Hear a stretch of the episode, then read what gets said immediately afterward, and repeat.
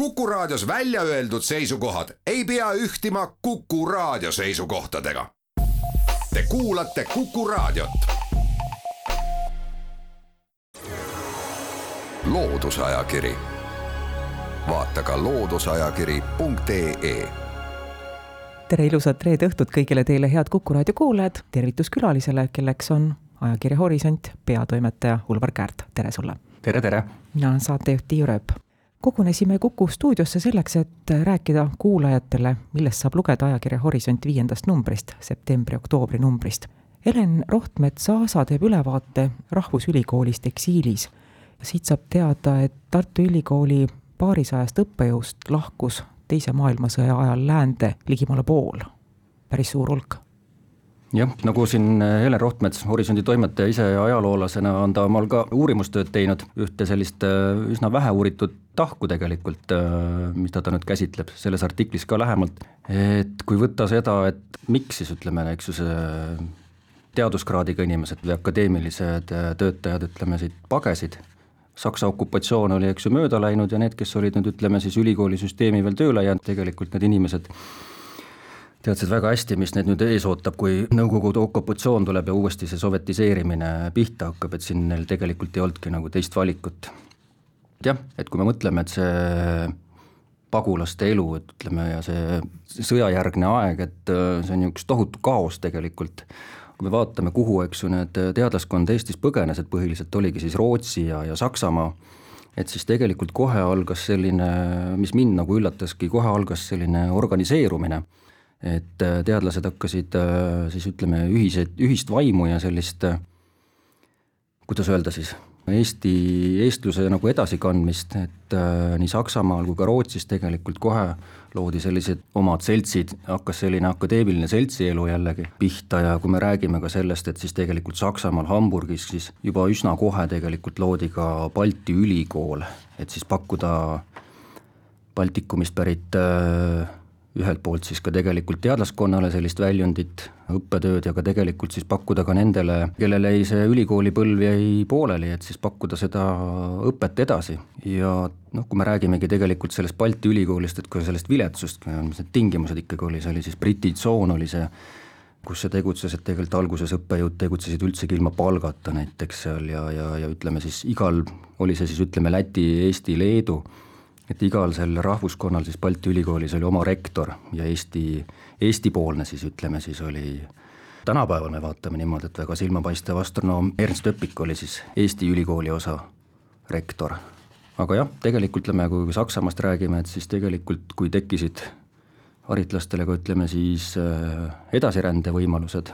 kui Ameerika ja Kanada ja ka Austraalia näiteks lihtsustasid sellist rändevõimalusi, et siis ka tegelikult äh, nii USA-s, Kanadas kui ka Austraalias näiteks tekkisid sellised jälle ütleme, sellised uued rakukesed, kus siis hakkas selline akadeemiline Eesti elu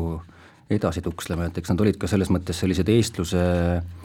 kestvuse sellised omaette kantsid. paljuski tegutseti selle sihiga, et, äh, et see, mis katki jäi, et siis olla valmis selleks, et kui jälle ükskord Kalev nii-öelda koju jõuab, et siis meil on jällegi võimalik ja oleme ette valmistanud omal äh, ka järelkasvu, kes siis tuleb ja hakkab seda ülikooli elu Tartu Ülikoolile alma mater elu jällegi uute õppekavade ja uute inimestega edasi viima ja et see kõik edasi kestaks. selles mõttes tõesti väga põnev lugemine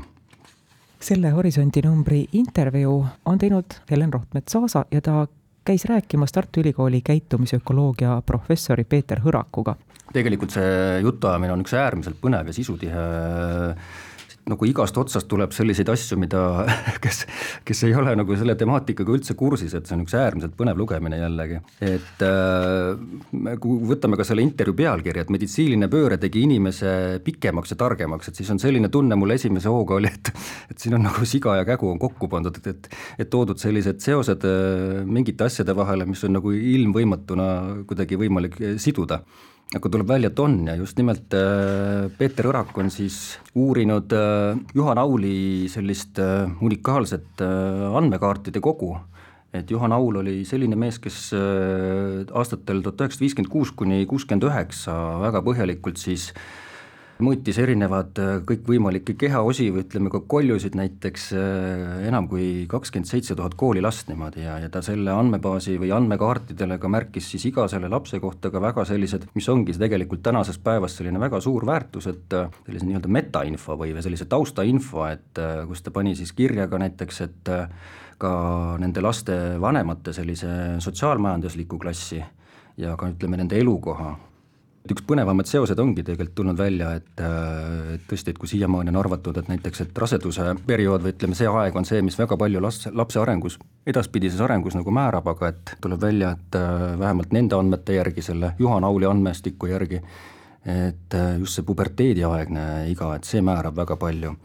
ja, ja tegelikult ka kuidas see seos, et äh, on ju meil olemas näiteks, et kuidas siis targemaks nagu muudab ka see meditsiiniline pööre, et äh, Uus-Meremaa psühholoogil James Flynnil on ütleme selline, kuidas öelda, tema järgi on siis nimetatud Flynni fenomen, et mille järgi siis iga põlvkond on järgmisest äh, intelligentsem, ehk siis see IQ on äh, või intelligentsusnäitaja on kuskil kolme punkti võrra igal põlvkonnal suurem. et selline nähtus on nagu tuvastatud, aga samas mitte keegi ei oska seletada, et mis sellest tingib, et kas ühelt poolt siis nagu on, ollakse arvamusel, et on see nüüd selline kultuuriline kontekst, mis seda määrab lihtsalt, et inimesed muutuvadki sellises kultuurikeskkonnas targemaks järjest, aga Hõrak on tegelikult veendunud või arvamusel, et tegelikult vähemalt Juhan Auli selle andmestiku järgi koorub välja, et et just sellest hetkest alates, kui hakat-, siis hakati kasutama, ütleme, vaktsiine ja antibiootikume, et just sellest hetkest äh, toimus selline,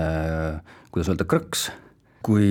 inimesed muutusid, kes ütleme, vähemalt nende andmestike järgi, et siis äh, esiteks sai, nad kasvasid suuremaks ja nende koljud kasvasid suuremaks ja koljuruum, ütleme siis, et kui on suurem kolju, et siis sinna ka mahub, ütleme, suurem aju ja sinna ka rohkem tarkust justkui, aga miks just see meditsiin või ütleme just need vaktsiinid ja antibiootikumid, et tegelikult ta toob siin selle välja, et on tänu nendele siis tegelikult äh, inimene ei pidanud enam nagu kulutama immuunsüsteem väga palju sellist, et nende erinevate haigustega nagu tegeleda. Ja see siis, kuna see energia jäi nüüd tänu nendele vaktsiinidele, antibiootikumidele kehale nagu alles, siis selle võrra sai nii keha ise areneda, kui ka tegelikult ka pea sai kasvada suuremaks, et see tagas nagu sellised paremad kasvueeldused kõik. et inimene ei pidanud nagu võitlema pidevalt haigustega, selle peale enda energiat kulutama. lehitseme ajakirja Horisont viiendat numbrit edasi. Ain Kallis on vaatluse alla võtnud ilma- ja rongiliikluse, kirjeldab ta ekstreemset lumetormi tuhande üheksasaja kolmeteistkümnendal aastal kirjeldab ka tuhande üheksasaja neljakümnenda aasta jaanuari rekordilisi miinimumõhutemperatuure, kuidas need mõjusid elektrirongi liiklusele. Ja ka paduvihmadest tingitud rongiõnnetustest on juttu ja kõik need asjad on toimunud siinsamas Eestimaal.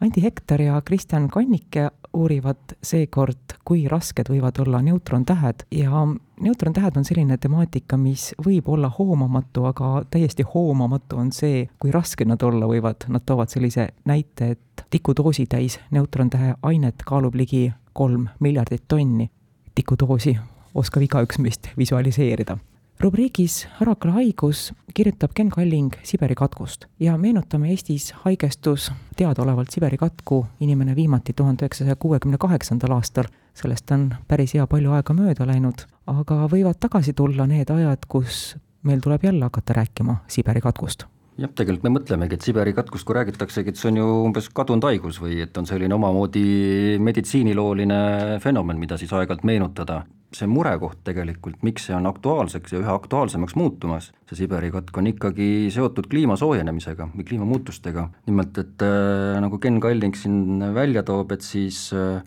tänu kliima soojenemisele Siberis igikelt sulab ja, ja kõikvõimalikud, ütleme siis need erinevad loomakorjused, kes sinna on talletunud praegu nagu külmkappi või külmkambrisse, et need sulavad välja ja kuna need Siberi katku tekitavad bakterid on jube hea vastupidavusega, et siis äh, ühes selle, nende korjust, loomakorjuste sulamisega tegelikult siis on oodata ka seda, et äh, see Siberi katk hakkab uuesti levima, tegelikult on ka üsna hilisest ajast, aastal kaks tuhat kuusteist oli üks selline juhtum, et äh, Jakuutias Jamali poolsaarel oli sel moel haigestus Siberi katku tuhandeid põtru ja tegelikult ka siis ligi sada inimest sattus tänu sellele haiglasse, nii et ei ole see midagi kuskil kadunud asi, nagu rõugetest räägime praegu. järgmiseks leiab ajakirja Horisont viiendast numbrist rubriigis Dokument kõneleb Ano Kannikese ülevaate tuhande üheksasaja kolmekümne viienda aasta piimanädala lööklausetest Eesti Vabariigis. see on üks uhke lugemine. piim annab tervist ja jõudu, väga hea slogan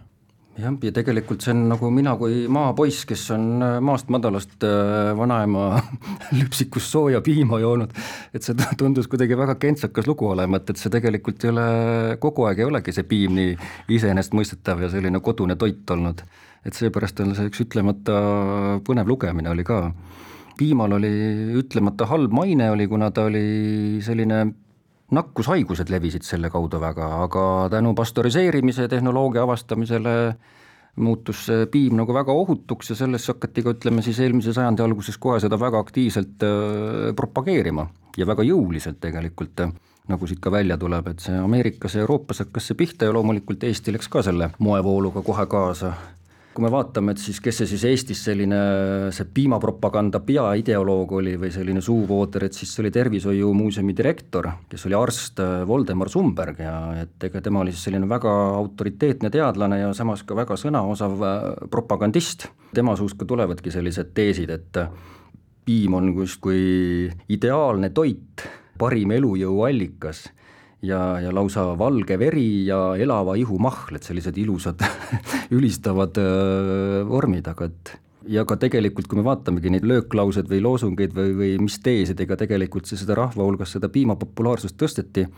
et siis ka piim kuulutati tõhusaks ravimiks närvilisuse, ainevahetushäirete ja muu halva enesetunde korral. Ja et äh, eriti soovitati piima juua linlastel, et äh, kelle elukeskkonnas oli vähe päikest ja vähem puhast õhku kui maal ja mis omaette fenomen tegelikult jälle nagu imeasja praegu vaatad pildi pealt ka siin, Rahvusarhiivi fotod pandud, et olid piimabaarid, kus siis erinevaid piimatooteid pakuti. ja tegelikult, kui me võtame ka tänapäeval jälle üks asi, keefir, et et see on nagu väga iseenesestmõistetav, aga tuleb välja, et see vanasti ikkagi ei olnud päris niimoodi, et seda peeti ravimiks ja seepärast seda müüdi, müüdi apteekides ainult seda juuretist või neid baktereid ja siis ka ütleme, keefiri ennast aga et just tänu sellisele piimapropagandale ühes sellega siis ka keefir ilmus inimeste sellisesse igapäevakasutusse ja toidulauale. aga ka omaette märgiline tähtsus, ütleme, et miks ta, kui ütleme, selline nii-öelda ajastu vaimu sellist äh, kolmekümnendatel, möödunud sajandi kolmekümnendatel äh, nagu esitles, oli ikkagi seega, et äh, tähtis oli selle piima visuaalne sümboolika et valget värvi seostati tollases disainis, tervishoius ja kodumajanduses puhtuse, korra ja progressiga. et siis puhas värske valge piim klaasis või pudelis sai uue rahvusliku toidusedeli ja koos sellega edumeelse rahvusidentiteedi sümboliks suisa. leidsime ajakirja Horisont viiendat numbrit edasi. Ingrid Sahk Tartu Ülikooli muuseumist kirjutab, kui töömahukas oli üheksateistkümnendal sajandil hea ja pildirohke teadustrükise koostamine Sven Noras kirjutab välgu taltsutamisest osakeste kiirendis, see on nagu ulmeraamatu pealkiri, välgu taltsutamine ja, ja tegelikult see nagu sellest ka loost tegelikult välja tuleb, see ongi nagu ulme, mida meie Eesti, Eesti teadlased uurivad, et kõik ju teavad tegelikult, no ütleme, me kõik võib-olla ei tea, aga et noh, et kui me räägime osakeste kiirendamisest ja osakeste kiirendist, siis sellega enamasti seostub äh, Šveitsis olev äh, maailma suurim osakeste kiirendi LHC ehk siis äh, suur hadronite põrguti. Et neliteist aastat on see juba toimetanud, osakesi kiiretanud ja põrgutanud ja siis selle kõige kuulsusrikkam avastus on pärit äh, aastast kaks tuhat kaksteist, kui justkui tuvastati Higgsi boson, mille olemasolu juba siis füüsikateoreetikud äh, ennustasid äh, tuhande üheksasaja kuuekümnendatel. aga CERN-i inimesed ei maga ja nad ei ole üldse väsinud ja nende ambitsioonid ainult kasvavad, et juba tegelikult kavandatakse uusi kiirendeid, et siis ikkagi selliseid neid maailma kõige pisemaid ehitusklotse lähemalt uurida ja, ja, ja siis ütleme, kui see LHC ehk siis see suur hadronite põrguti on ringikujuline maa-alune, kakskümmend seitse kilomeetrise ümbermõõduga selline osakeste kiirendi tunnel, et siis ühe versioonina, et kuidas teha selline uus ja parem kiirendi, on sirgjooneline või sirge kujuga kiirendi, aga selliste sirgete kiirendite puhul on häda see, et, et neid osakesi siis nagu kiirendada on vaja hästi suurt kasutada väga tugevat elektrivälja. Aga siin on jällegi, ongi see põhiline aga, et kui kasutada hästi suuri või tugevat elektrivälja, siis tänu sellele selles kiirendi vaakumtunnelis või selles torukeses nii-öelda, selles siis hakkab toimuma tänu sellele tugevale elektriväljale hakkab äh, siis, kuidas öelda, see sisemus, ütleme, need siis äh, kiirendi osad hakkavad aurustuma lihtsalt, et äh, on need siis vaseaatomid, mis äh, aurustuvad sellesse vaakumkeskkonda, selle aurustumise tulemusel tekib plasma ja siis ka ütleme, see plasma plahvatab, ehk siis tekibki selline nanoskaalas, kui me räägimegi siis miljardik senti või meetrite suurused sellised mikroskoopilised ülipisikesed välgud ja, ja kuna need välgud siis rikuvad selle tunneli osad ära, et siis on vaja tegelikult teada saada, kuidas neid oleks võimalik vältida. ja, ja no ütleme siin tegelikult see Sven Oras toob ka väga hästi sellise piltliku näite, et mida see siis tähendab, et kui uurida sellist nanoskaalas välku, et et siis sisuliselt tähendab see seda, nagu tänapäevaste tehnoloogiatega hakata uurima, et siis kui me teeme praegu sõrmenipsu siin, et siis äh, meile hoomatavas ajaskaalas tähendaks see, et me alles kümne aasta pärast hakkame seda nüüd üksikasjalikult uurima, et mis see nüüd täpselt oli ja kuidas sellist sõrmenipsu annaks vältida. aga tegelikult, kui me mõtlemegi, et siis see on justkui pealtnäha ilmvõimatu asi, aga, aga meie teadlastel on tegelikult olemas täiesti oma nägemus, kuidas sellist äh, ulmelist asja on võimalik lähemalt siis uurida ja siin siis võetakse appi elektronmikroskoobid ja kõik sellised muu, muu arsenal, et äh, jah pealtnäha tundub, et see on ju kõik ju selline elukauge, see osakeste kiirendamine ja aga samas Sven Oras annab siin nagu ka sellise osakeste kiirendite sellise laiema mõju, et mida me näiteks igapäevaelus äh, tänu nendele, ütleme siis, milliseid mugavusi me kasutame, et on need siis mis on siis ütleme selles äh, CERN-ist ehk siis äh, Euroopa Tuumauuringute Keskuses, kus see suur hadronite põrguti on, et mis on siis ütleme sealt justkui muuhulgas nagu välja kasvanud või välja tulnud, ütleme sellest keskusest ongi, on need siis ütleme puutetundlikud ekraanid näiteks või World Wide Web ehk siis www ehk siis veeb, mis on ka samuti siis ütleme sellisest andme, andmehaldussüsteem selline, mis on siis üleilmseks interneti kasutajate selliseks äh, põhiliseks abivahendiks muutunud. Aitäh, Horisondi peatoimetaja Ulvar Käärt külaskäigu eest, aitäh kuulajatele! meie soovime teile ilusat reede õhtut ja head Horisondi lugemist! loodusajakiri vaata ka looduseajakiri.ee